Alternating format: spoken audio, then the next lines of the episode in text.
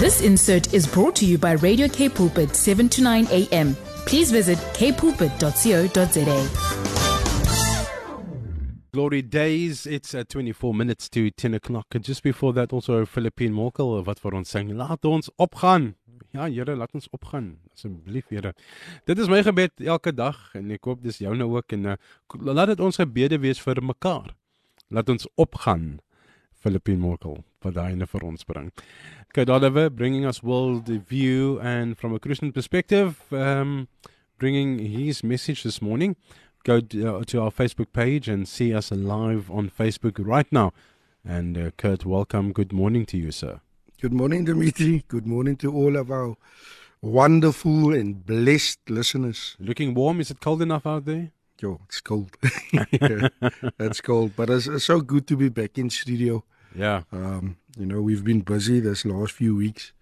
Um, you know, Stan, um, Stan was also busy this this last few weeks, but it's so good to be back amongst you guys this morning. It is wonderful to to just feel that uh, love and warmth um, here in the studio. Yeah, and uh, it gets warmer as uh, the Holy Spirit encourages us um, through that which you are sharing this morning with us. Worldview, brother, what are you sharing with us this week? Yeah, Dimitri, a lot happening around the world, and, and actually, as I was sitting, um, you know, listening to to to Oom share, and then the Holy Spirit just said to me, "Don't you think it's strange that Youth Day and Father's Day is in one week? Youth Day and Father's Day is in one week." And immediately the Lord started ministering to me, mm. saying, we need to bring the order back into our into our homes. And it's something, you know, that I've that I've I've shared about a few months ago. Um, and I just feel the Lord is just leading me to speak about that again. And when I say bringing the order back, it means that as a father, tomorrow's Father's Day. So as a father, we have a responsibility towards the youth. We have a responsibility towards the younger generation. We have a responsibility towards our kids. And I remember growing up, Dimitri, you know, um, Pastor Stan will know, you know, my dad was was very seldom at home, was always working or was always busy with investigations and stuff like that. And and I needed a father in my life. But because he sacrificed for us as his children, and I used to blame him a lot of times for a lot of things. And when I started, you know, building a relationship with my dad, and then God started to speak, God said to me, You can't blame your dad because his dad never showed him how to be a dad. So it was my dad, he needed to learn along the way. And then God did this a remarkable thing, Dimitri. God showed me how to be a son to my father, and that taught my dad how to be a father to me. Sure.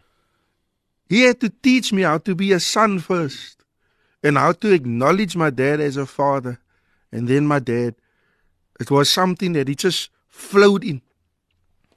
And you know, I was already grown, grown man when it, when it happened. But you know, I, I'm grateful that I could have witnessed that that transition, that I could witness him be you know that that role model to to be a grandfather to my kids. And and that is what I want to speak about this morning. You know the important points um I want to remind the men and the dads the important things about being a father. Number 1 be your child's first teacher. According to Proverbs 22 verse 6 we are our children's first teacher. It is our responsibility to train up our children I know, Dimitri, when you were young, you know, whatever you were doing, but your eyes would always be upon your dad. And when he's not there anymore, you copy what he does. Mm. You would you would replicate what he does. So we are our our our first our children's first teachers and and I want to make it clear. It is not the school's responsibility. It is not the government's responsibility. It starts within our homes. It starts with the father being on his place. It starts there. Number two is dads need to exemplify a good life, meaning you need to set a good example. You need to set a good example. I know my father, he was a man of integrity and he set that example. Today I know I need to always apply integrity in everything that I do because I've seen my father do that. I've seen my father being respectful, so I know I need to be respectful. And my dad's words was, Kurt, the only thing that will bring you far in life is respect and discipline. That is the thing that will be, bring you far in life, and that is what I apply. My father's teachings. Number three, a father provides for his family. He provides for his family. And I want to encourage men this morning, those fathers that is not working.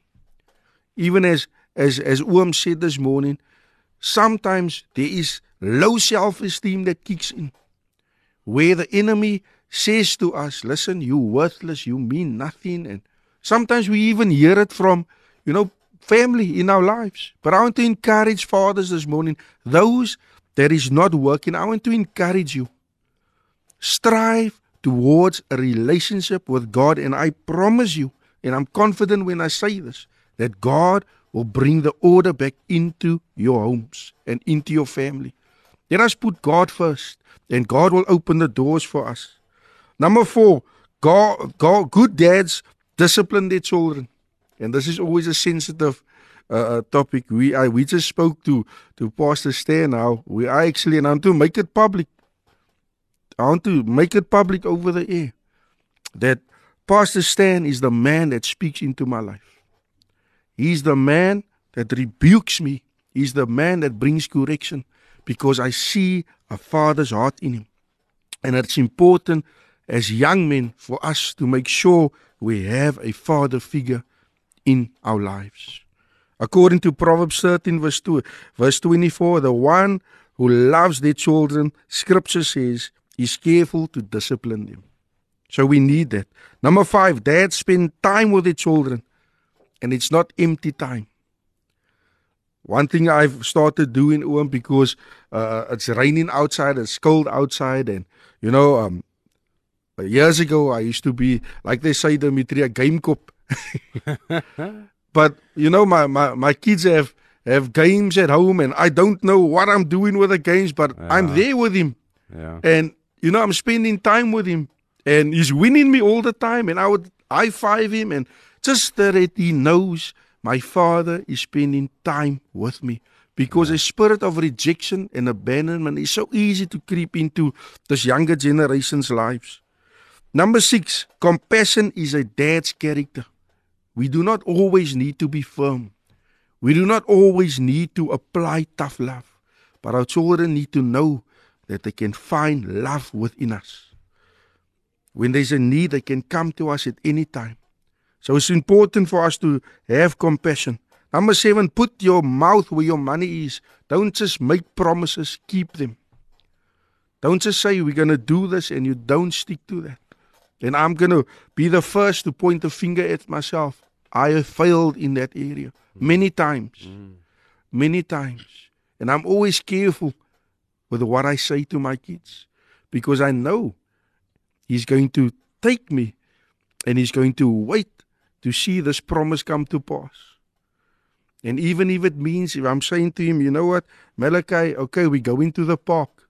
So even if it means it's just around the corner, something that looks like a park, but it's a park. So it's a promise that is fulfilled, and we need to stick and be men of our word. In today's life, it's sad, but in today's life, you don't get people that stick to their word. Mm. What do what do they call it? Um, the gentleman's agreement do not stand and it will exist anymore. So as fathers, we need to stick to that. And number eight, don't provoke your children. Don't provoke your children. You know, uh, according to Ephesians 6, verse, verse 4, the Bible makes it clear. We need to be a blessing to our children. We need to be a blessing. Children who know that their dads pray for them every day own a deep sense of love and security. Mm. Just by them knowing that my father prays for us, there will be a sense of love and security. Number nine, dads never give up on their kids. The story of the prodigal son. I'm not going to go into the scripture because I know we don't have a lot of time, but the hmm. story of the prodigal son. Simple. The prodigal son did what he did, but his father was waiting for him. Every day stood in the door, waited for him to come home. And number 10, dads pray for their children. The most important thing. Hmm. And my challenge this morning is to the fathers, tomorrow's Father's Day. My challenge to all the fathers is let us try and apply this 10 points hmm. To our daily lives. Amen. Sure.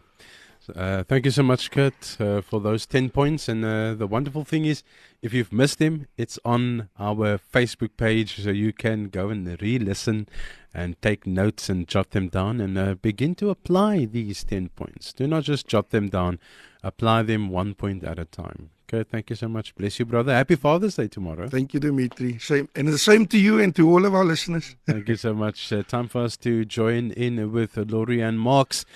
And she talks to us today about the physical reaction to post traumatic stress disorder. Thank you so much, Lorianne Marks. This insert was brought to you by Radio K Pulpit, 7 to 9 a.m. Please visit kpulpit.co.za.